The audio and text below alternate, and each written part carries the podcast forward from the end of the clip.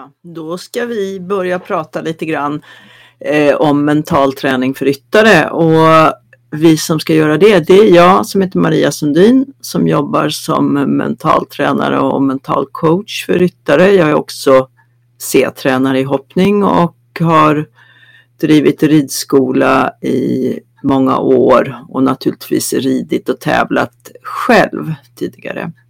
Och den jag har med mig här det är Nina Fox Stark som är dressyrtränare, dressyrryttare på hög nivå och också mental tränare och coach. Eh, vi tyckte att det skulle vara jätteintressant att prata om våra upplevelser eh, med att jobba med mental träning för ryttare och också som tränare. Så att det är det som vi tänkte prata om här i det här avsnittet och i mm, kommande avsnitt, många hoppas vi.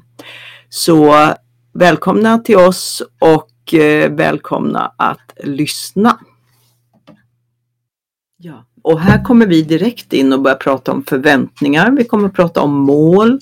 Vi kommer prata om hur man kan hantera press och stress eh, gällande kval, SM, hur man kan resonera runt eh, sina mål och planer för att nå mästerskapen och hur överhuvudtaget man eh, kan tänka för att eh, lyckas med sin satsning.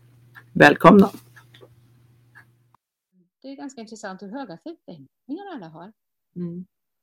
Mm. Så där är, har ju vi som mentala tränare en väldigt viktig roll. Att mm. när det är...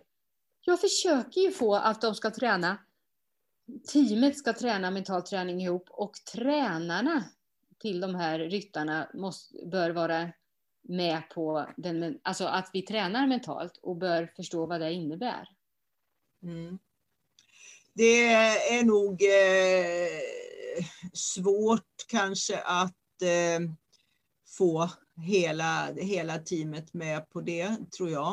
Eh, det man behöver, eh, som jag försöker att göra, det är ju att eh, just vad det här vad det gäller förväntningar, alltså prestationsförväntningar om man säger så, att man får träna sig i att bestämma innan med vad är jag nöjd? Alltså att göra en kalkyl i det hela. Med vad är jag nöjd? Nu går jag in och rider en klass eh, där jag brukar, eh, jag vet att om ingenting oväntat händer, alltså typ det ramlar ner något eller någonting sånt, men alltså om inget oväntat så går jag till exempel in och rider den här klassen mellan 63 och 68 procent. Ja. Då är jag nöjd. Ja.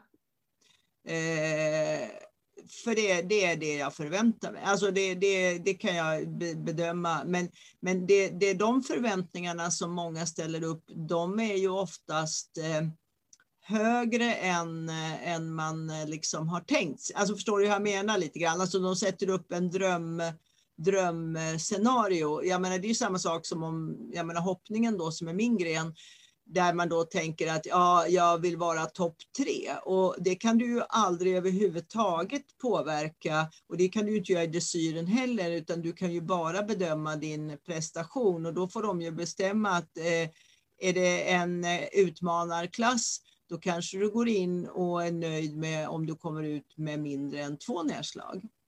Eller tre nedslag om det är en riktigt stor klass. Beroende på om du debuterar eller om du, alltså var är jag? Har jag ridit det många gånger?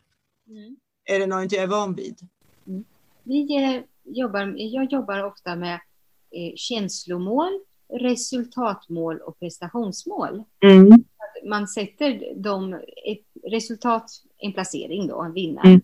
Mm. Eh, prestationen är en procent eller nedslag. Mm.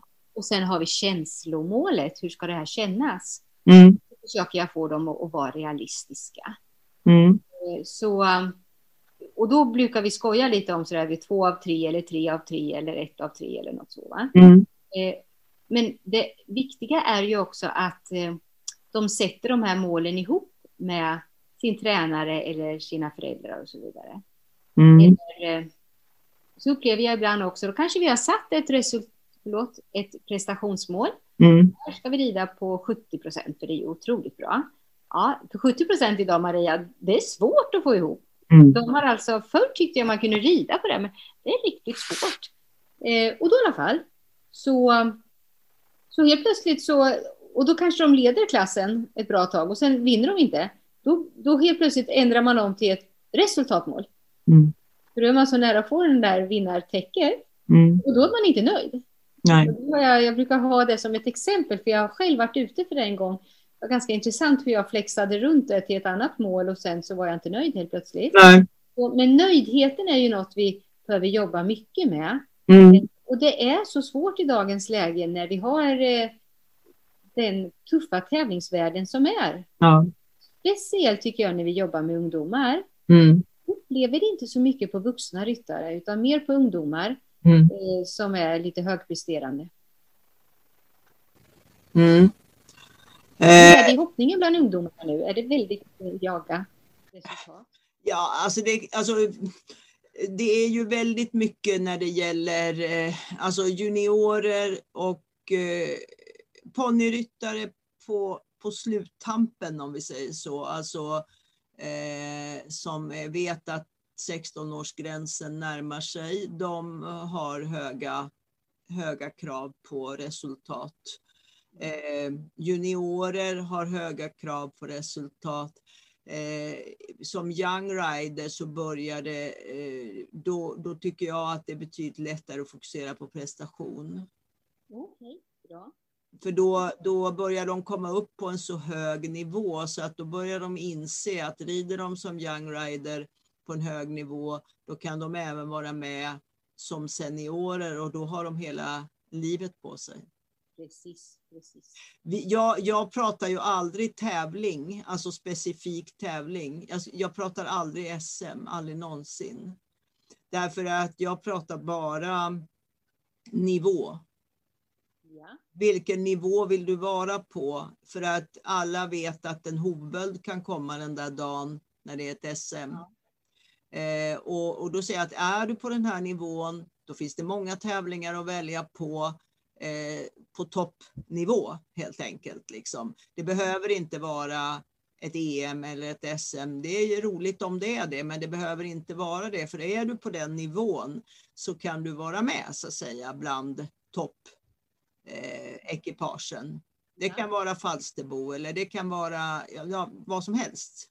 Ja. Eh, därför att, att fokusera på en specifik tävling blir, blir väldigt... Eh, alltså vi, vår sport vår sport är ju en, vi tävlar ju jämt året runt. Det finns så många tävlingar. Ja. Eh, I hoppningen har vi ju både inomhus och utomhus-SM till exempel. Ja, precis, precis. Eh, det är så många tävlingar så att de får inte fokusera på det utan det ska hela tiden vara ett utvecklingstänk i att de, de fokuserar på nivå istället. Var vill jag vara? Och dina yngre ryttare då, de, de godtar det? De pratar inte så mycket SM och så då, eller? Nej. Inte föräldrarna heller? Nej. Det är bra. Jättebra. För vi pratar, var, var, behöver du vara om du ska rida ett SM? Ja. Vilken nivå behöver mm. du vara på? Det är bra. Och då blir det också lättare. Sen säger jag det, det är klart du kan rida ett SM om det passar in. Ja eller Carl Philips Cup eller vad det nu är för olika typer som, som, av tävlingar som finns. Det mm. finns mycket olika tävlingar. Ju. Men är du på den här nivån då kan du välja på den tävlingen också. Intressant. Men du, om deras tränare pratar SM och sånt hela tiden? Eh, ja, men tränaren pratar ju egentligen nivå. Coachar och de tränar varandra. Ja. Eh, men egentligen pratar ju de nivå också.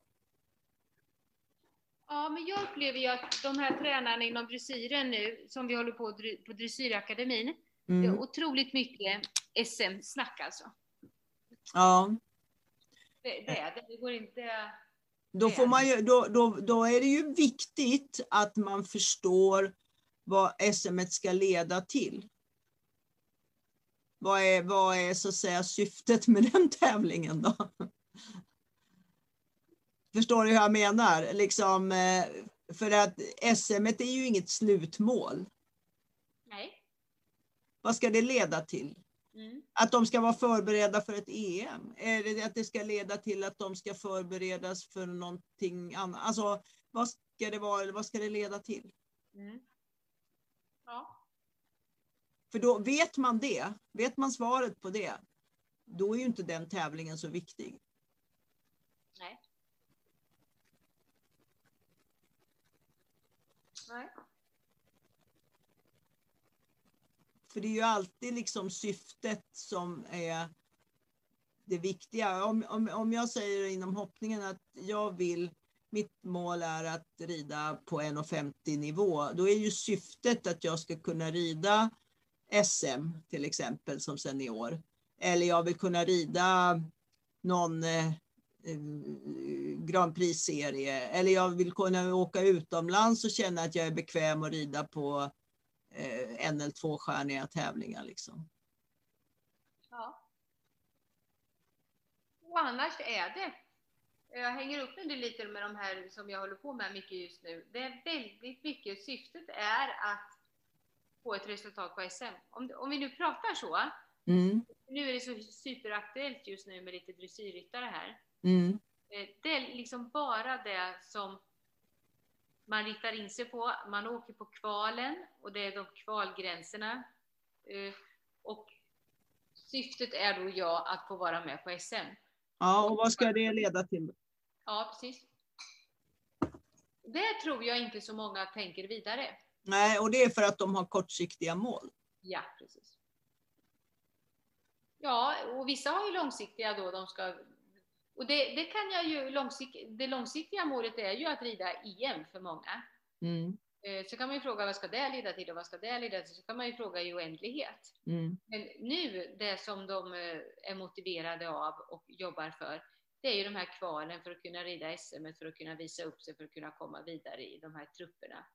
Ja, absolut. Och jag, jag, det är inte så, jag förstår ju det hela, men, men jag vet ju också vad det leder till för spänningar och stress som inte, som inte gynnar eh, prestationen. Liksom. Nej, precis. Mm. Utan man behöver lyfta det lite grann. Jag hade en tjej som absolut, hon var uttagen i någon trupp eh, eh för att eh, vara tänkbart till EM och eh, det var ju eh, då blev ju varje tävling en, en fruktansvärd stress för att hon var ju livrädd för att ha det minsta fel någonstans. Liksom, för att då tänkte hon att hon skulle åka ut. Och till slut så landade vi i att, ska du sluta rida sen? sa jag. Ja. Nej, det skulle hon ju inte. Ja, men så, då, då tror jag att vi tar, tar och tittar på nivån du ska vara på när du går över på häst sen. Så kan du ju göra det här om du vill eller inte när det väl kommer till kritan sen. Liksom. Vad ledde det till sen då? Fick du med dig tränare på det eller hur fick du ihop det? Alltså tränaren hade jag ingen kontakt med och hon fick väl uppenbarligen ihop det med sin tränare för att hon red EM eh, och sen, men sen var hon redan fokuserad på storhästen hon skulle fortsätta med. Liksom. Ja. Är det många du har som du har i både träning och ridning? Eh, förlåt, mental träning och ridning? Eh, ja, nej, många vill jag ju inte säga att det är, men, men det är en del. Eh, är det ju. Sen är det ju de som, som rider för mig, men som inte tränar mentalt. Ja. Har du dressyrekipage också? Ja, några stycken. Ja. Hur mm. brukar du lägga upp det med dem? Menar du den mentala eller ridningen? Mentala. Alltså likadant.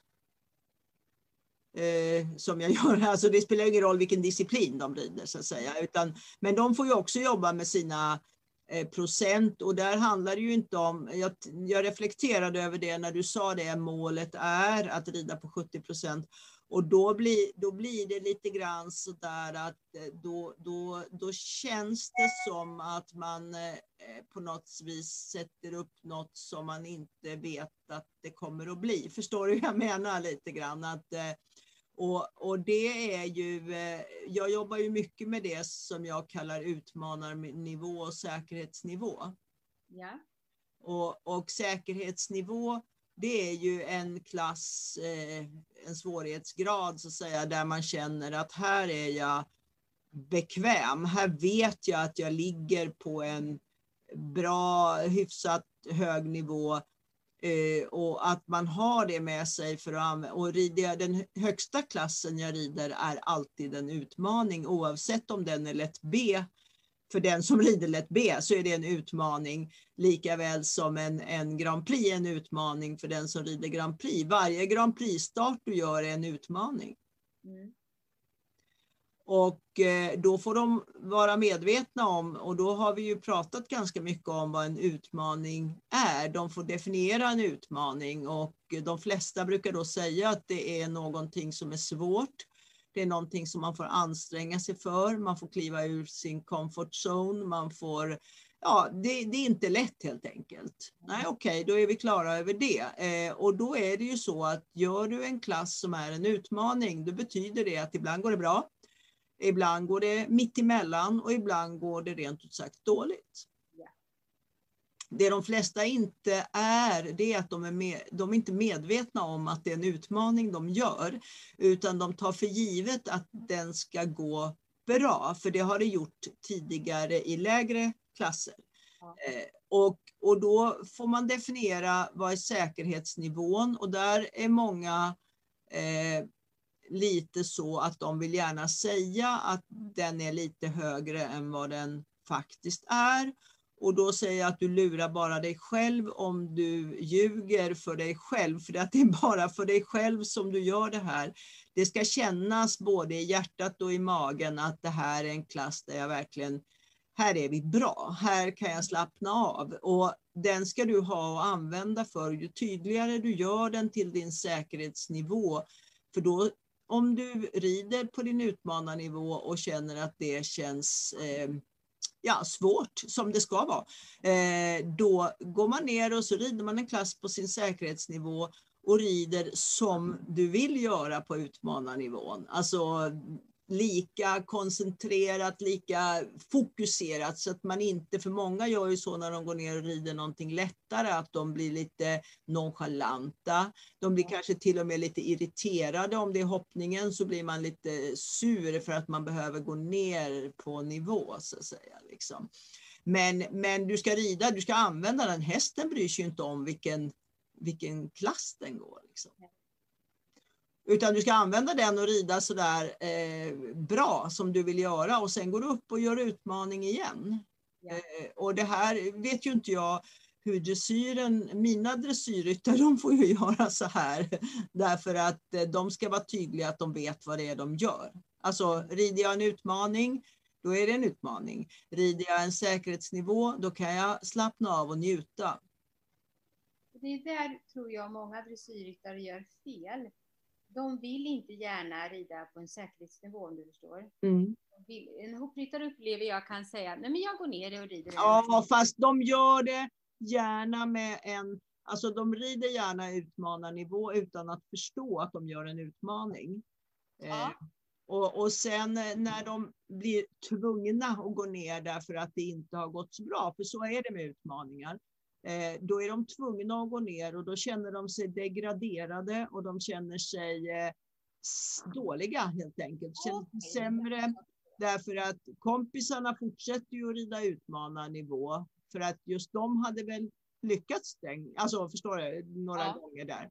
Och går man då ner och rider med en känsla av irritation, en känsla av att man har blivit sämre, eh, då, då har, gör, man det, då gör det ingen nytta. Nej.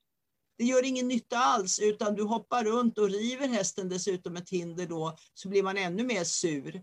För att den borde ju kunna hoppa det här, det här är ju löjligt liksom. Ja. Men, men rider du då slarvigt, nonchalant, oengagerat, irriterat, så blir resultatet därefter. Precis, precis. Och den känslan kan säkert finnas hos dressyrryttare också. Ja, helt klart. Och det är eh, det är inte vanligt att gå ner på säkerhetsnivå utan det är, jag skulle säga att de flesta vill ständigt ha utmaningar. Vi brukar ju säga att man tränar två klasser högre än man tävlar. Mm. Det har tyvärr eh, många svårt för. Mm.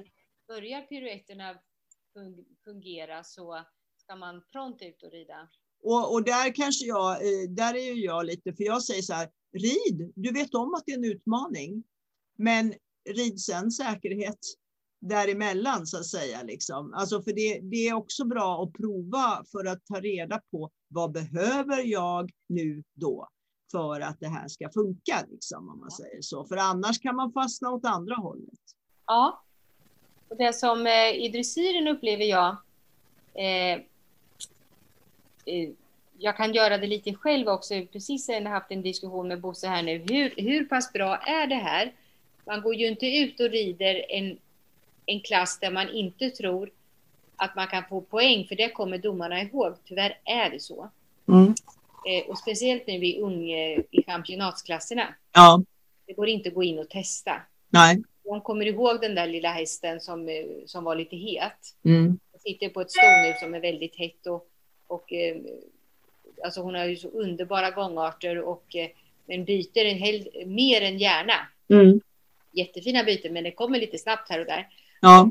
Då sa vi just det, att för det kommer annars komma sig ihåg som det var den där som var lite för het.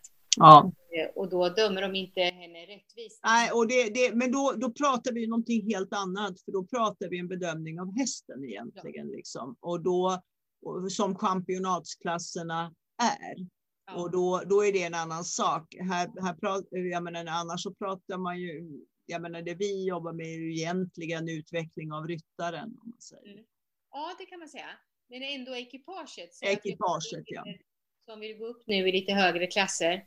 Och, och jag kan, kan, eh, jag vill jobba väl som tränare då, att vi, eh, ja, gärna som du säger, gå ut och prova, men var var medveten om att resultatet kan bli därefter eller read, pay and ride, utmana dig på det. Det tycker jag har blivit ett bra sätt att utmana.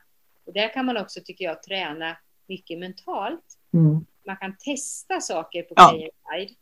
För det är inte så farligt att bli lite snett här och där. Nej. Så, um, jag tycker det är ett underbart sätt det här nu med pay and ride, att kunna jobba både alltså, tekniskt och me mentalt. Ja. Eh, och det, där, där ges man ju tid och möjlighet att göra på det viset. Ja. Vad, vad, skulle du säga är den största utmaningen just vad det gäller dressyr för ryttarna, alltså mentala utmaningen för ryttarna i dressyren? Mm. Eh.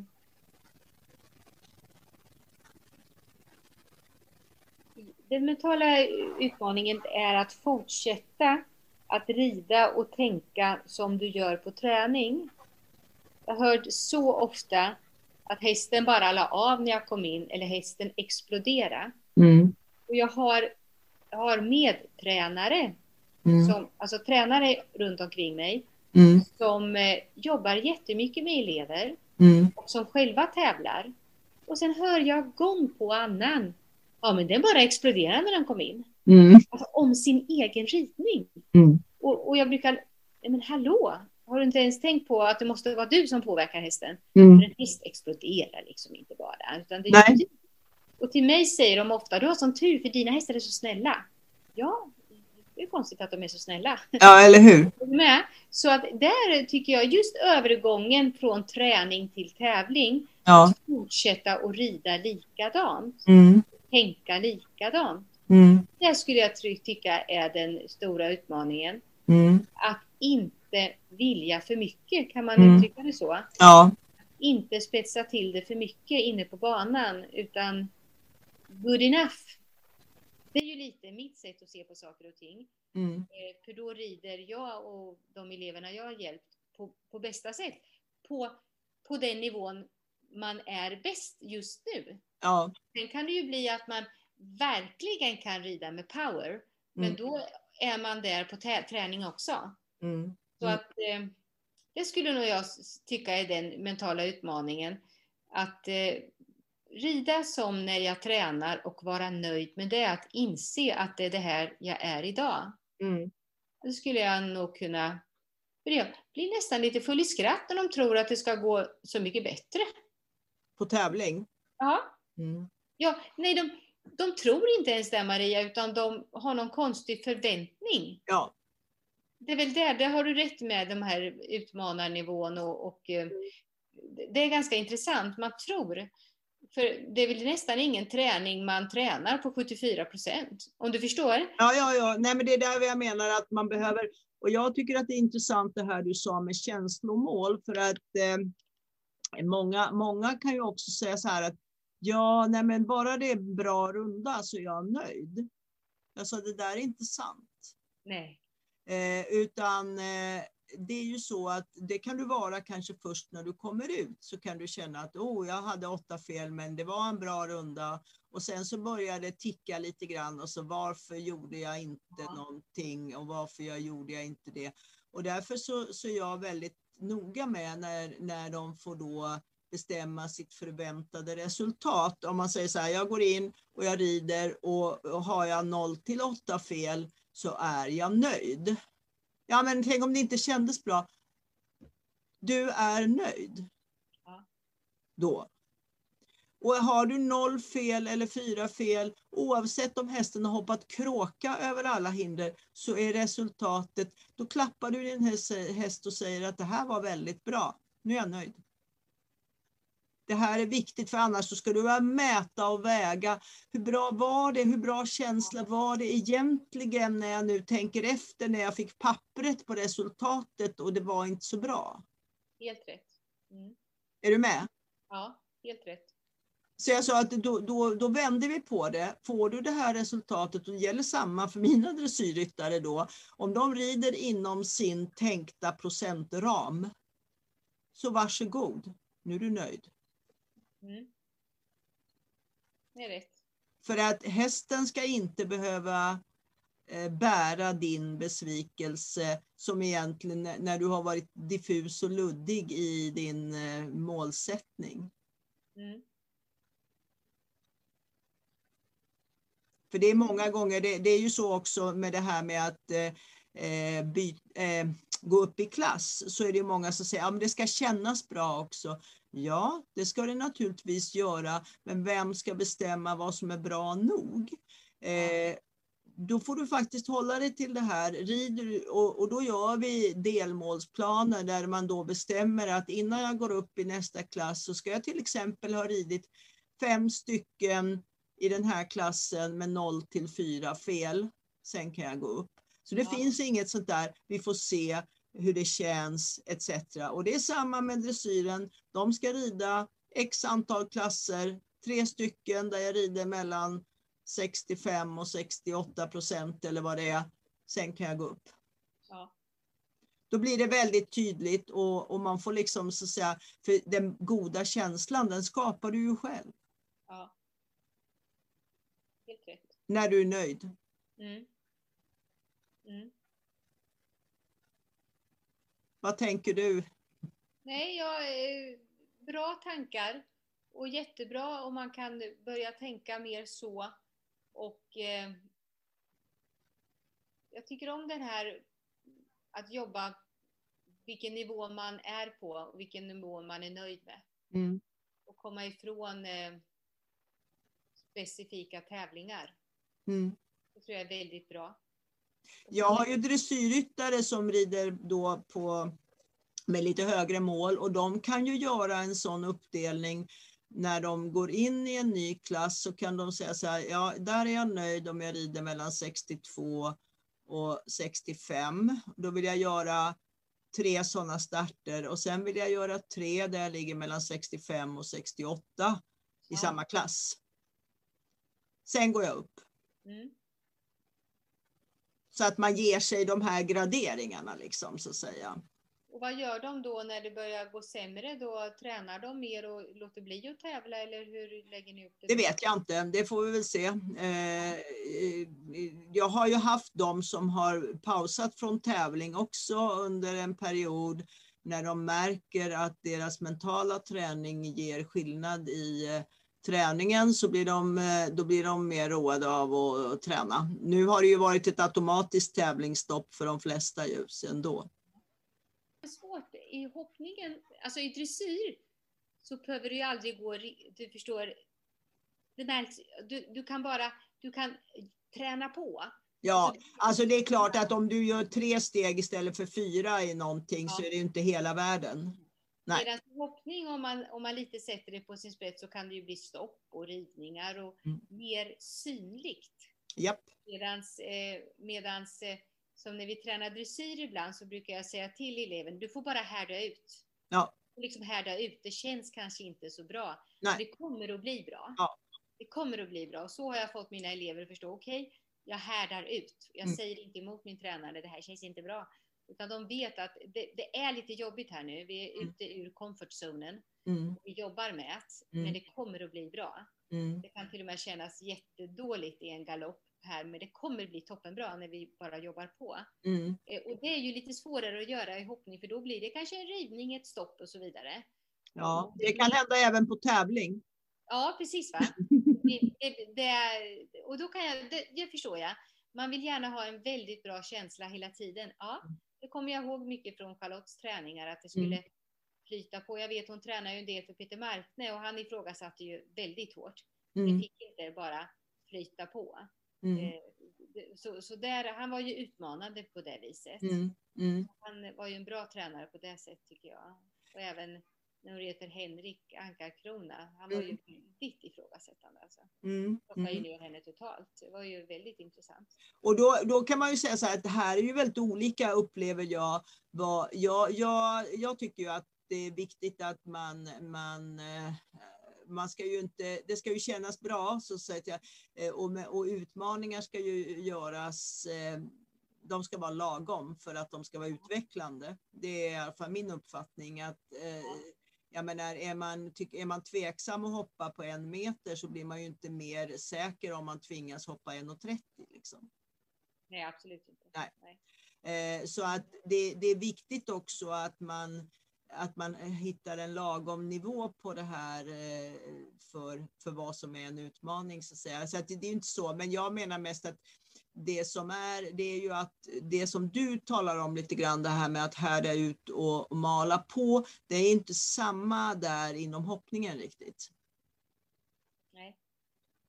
Utan där vill man där vill man att det ska gå bra på träning, det ska kännas eh, skönt och bra allting och sen så, och det ska det göra, men man får ha lite sådana här små grejer, att man det här eh, besvärliga också. Liksom. Mm. Ja, och det är helt rätt för att det är, mm, och det är ju samma sak när man tränar mentalt. Det kan ju bli väldiga, det känns inte alltid så bra, det kan ju bli väldiga känslosvallningar och så vidare. Ja. Men det är ju det som, eh, det, det är lite det som utvecklar. Ja. Man ifrågasätter, man kanske blir ledsen, man kanske blir förbannad och så vidare. Eh, eller man kanske blir jätteglad och så vidare. Det, det, utvecklar ju, om vi bara helt tränar på och inte känner verkligen skillnad på avslappning och, och spänningsreglering och så, då, då testar vi oss inte. Vi, vi, vi liksom flyttar inte fram då gränserna utan vi kör ju på i samma sätt hela tiden. Det är som att springa samma träningsrunda varje dag. Det lär ju inte ge så mycket bättre kondition. Nej, och sen, och sen just det här att man, man kan förstå att, att eh, den mentala träningen är ju ganska lite av det, det som man kanske tror egentligen, det vill säga att man ska laga någonting som är trasigt om man säger så. Eh, jag har bekymmer med att jag blir ofokuserad på tävling. Fixa det nu och sen är allt bra. Och eh, det är ju liksom den lilla delen, jag menar vad det handlar om sen, det är ju just den här, det du säger här, den mentala tuffhetsträningen, att man blir smart när man tränar, man blir smart eh, i, i sina Alltså att eh, nå målen eh, istället för att eh, tänka som man alltid har gjort så kan man ju börja tänka på nya sätt. Hur kan jag göra och hur blir jag mitt bästa i det här? Liksom? Mm. Och hur tål jag alla påfrestningar som en, om jag nu vill rida ett mästerskap, hur behöver jag vara för det då? Ja, helt rätt. Mm.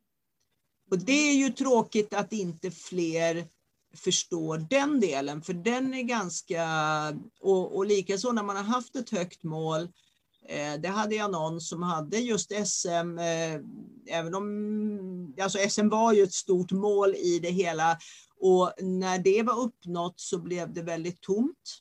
Ja. Eh, och då var ju det en, eller ett sätt, jag hade inte jobbat med, med personen innan SM utan det här blev efter SM och så vidare. Men, men och när det då kändes som att allt bara gick dåligt. Liksom. Mm. Mm. Eh, men men det, så det finns ju många aspekter på det hela. Mm. Hur, hur långsiktiga mål brukar du jobba med dina klienter? Hur, hur oh, de får ju välja själva då, men eh, en del är ju uppåt tio år. Ja, precis. Mm. Och då är det ju, då är det ju liksom syftet verkligen. Mm. Då är det ju än lättare om man, om man har någon som vill tänka så långt. Mm. Man kan, man kan liksom hjälpa den att tänka så långt eller så vidare. Alltså det här har ju lite, jag tycker att det har lite med ålder att göra, men jag ska ju säga så att är de, eh, alltså är de 15 år eh, och äldre, då ska de vara uppe på de nivåerna någonstans. Mm. Eh, för då får, de, då, får de, eh, då får de prata drömmar och, och visioner och så vidare. Och jag är ju väldigt tydlig med att det här är inte så, det här är dina mål. Det är inte så att det är för att du ska få ett betyg eller för att du ska få någon, inte alls, det här är vad du önskar. Det är vad du vill. Mm, Ingen kan komma och påstå att du har misslyckats. Du kan inte misslyckas. Det finns inte en chans i hela världen. Mm. Det är du som väljer vad du vill uppnå. Mm. Och det kan också vara så att ditt mål kommer inte vara attraktivt om ett tag. Nej. Du kommer upptäcka att det är inte det längre jag vill. Du har inte misslyckats då heller. Mm. Därför att då finns det förmodligen något annat som är mer intressant. Ja. För många säger så jag vet ju inte vad jag ska göra när jag slutar gymnasiet. Nej, men så det gör ingenting. Det gör ingenting. Mm. Du ska gå på vad du vill nu. Vad du drömmer om och vad du tänker på. Och det skapar en väldigt härlig känsla hos de flesta. Mm. Upplever du att, att ungdomar idag är styrda mycket av sina tränare och eh, föräldrar? Nej. Inte, inte i sina tankar. Nej. I sin ridning är de det. Ja. Det är helt rätt. Mm. Inte i sina tankar utan men när det kommer till alltså själva de, de faktiska ridbesluten, då eh, kan de vara väldigt styrda. Mm. Väldigt låsta. Mm. Och det kan jag uppleva att jag hade till exempel en tjej som eh, började coacha. Hon var ju inte ens intresserad av att rida märkte jag ju. Nej. Snart. Eh, föräldrarnas mål var att de skulle börja tävla igen. Det slutade med att efter vi hade träffats kanske fem gånger, då hade hon en klockren plan för att bli advokat. Mm. Jättebra. Och hon var 16 år, jag tyckte det var helt underbart. Mm. En helt otrolig tjej och jag har kontakt med henne fortfarande och, och föräldrarna har också återkopplat och liksom verkligen varit glada för att deras ögon öppnades verkligen upp vad de höll på att göra. Mm. Där hon, hon, blev, hon blev ju stärkt. Mm. I, i, det hjälpte ju den mentala träningen henne att mm. våga tänka mm. de här tankarna och göra dem verkliga. Mm. Så um, många vet nog vad de vill, eller de, de vågar tänka dem. Mm. Sen om de vågar göra det, det är en annan sak. Ja, men det har inte med så, det, det, det är inte, och här, här kan jag ju uppleva då att eh, här blir ju många tränare, för det var ju någon som hade då gått till sin tränare och sagt att eh, hon skulle rida SM eller vad det var för någonting. Hon var ju inte alls på den nivån. Eh, och och då, då blev den tränaren väldigt, eh, tyckte att jag ha, satte griller i huvudet på ryttaren. Och jag sa, nej men det var ju inte så att det, det var ju inte nu precis. Det är ju ganska långt kvar dit. Eh, om det ens skulle hända. Liksom. Mm. Men hon, nu har hon en plan för hur det ska gå till om det är så. Mycket bra. Men, men eh, många, många och, och jag, jag rekommenderar ju faktiskt när jag pratar med mina, mina ryttare att eh, du behöver inte berätta för alla människor vad du har för mål. Nej. För det landar inte alltid jättebra. Nej. Helt rätt. Många människor, det är, det, det, det dina privata eh, och du ska naturligtvis eh, berätta för den inre kretsen Eh, men du behöver inte säga till din tränare vad ditt tioåriga mål är, för det kan, eh, det kan, det kan räcka att du håller dig till det som ligger det närmsta årets, liksom, för att det kan vara lagom för tränaren att ta in. Precis, helt rätt. Helt rätt. Och kompisar och sånt, det är inte heller helt uh, okej. Okay. Nej. Nej, helt rätt. För att jag, har, men jag tycker man har eh, när folk får börja prata sina drömmar, det blir en härlig... Ja. Man blir nästan lite paff ibland. Alltså, det är helt härligt att höra dem. Mm. Eh, och hur, hur realistiskt det må vara. En dröm kanske inte behöver vara realistisk. Den är ju verkligen det, det man verkligen siktar mot högst. Ja, så jag brukar säga det att är det omöjligt att rida OS? Nej, det kommer ju de flesta fram till att det är det ju inte. Nej. Jag säger, det kräver jättemycket. De flesta vill inte. Därför att det är sån insats. Ja. Och då ska man landa i det. Men mm. omöjligt är det ju inte. Nej. Nej. Mm. Så att det, det är faktiskt, eh, det tycker jag, det, det är fantastiskt roligt och de flesta blir, är, är som sagt, de vågar tänka lite. Mm när de kommer dit. Här. Hur ofta träffar du dem som du coachar så här och tränar mentalt? Det är ju lite varierande. I början träffar jag dem oftare. Första, första träffarna kanske vi tar bara en vecka emellan eller någonting. Eh, och sen eh, drar vi ut det lite så då kan det bli upp till en, mellan en månad eller någonting så också. Och ibland kan det gå ännu längre. Om det beror på, för en del har jag ju så att jag har jobbat med dem över eh, flera år. Ja, just det. Och då ses vi inte så ofta. Hur ofta ser du dem då?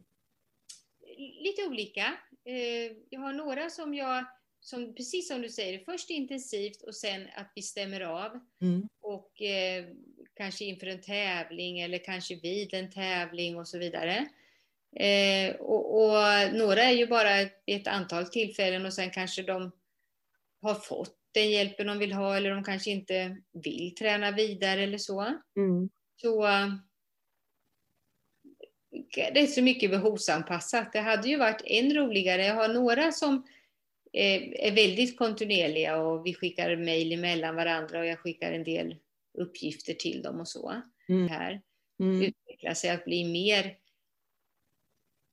mer, den är ganska intressant, att våga vilja vinna. Det här är jätteintressant eh, Nina, när vi pratar om det, för det här är ju någonting som vi verkligen skulle kunna prata om det här med vinnarskalle ja. och vad det innebär egentligen. Och, för jag, många är ju lite sådär att de kan ju känna sig nästan lite de säger så här, ja men jag är nog inte riktigt någon vinnarskalle. Liksom. Alltså att de känner att det kan vara en, ett hinder.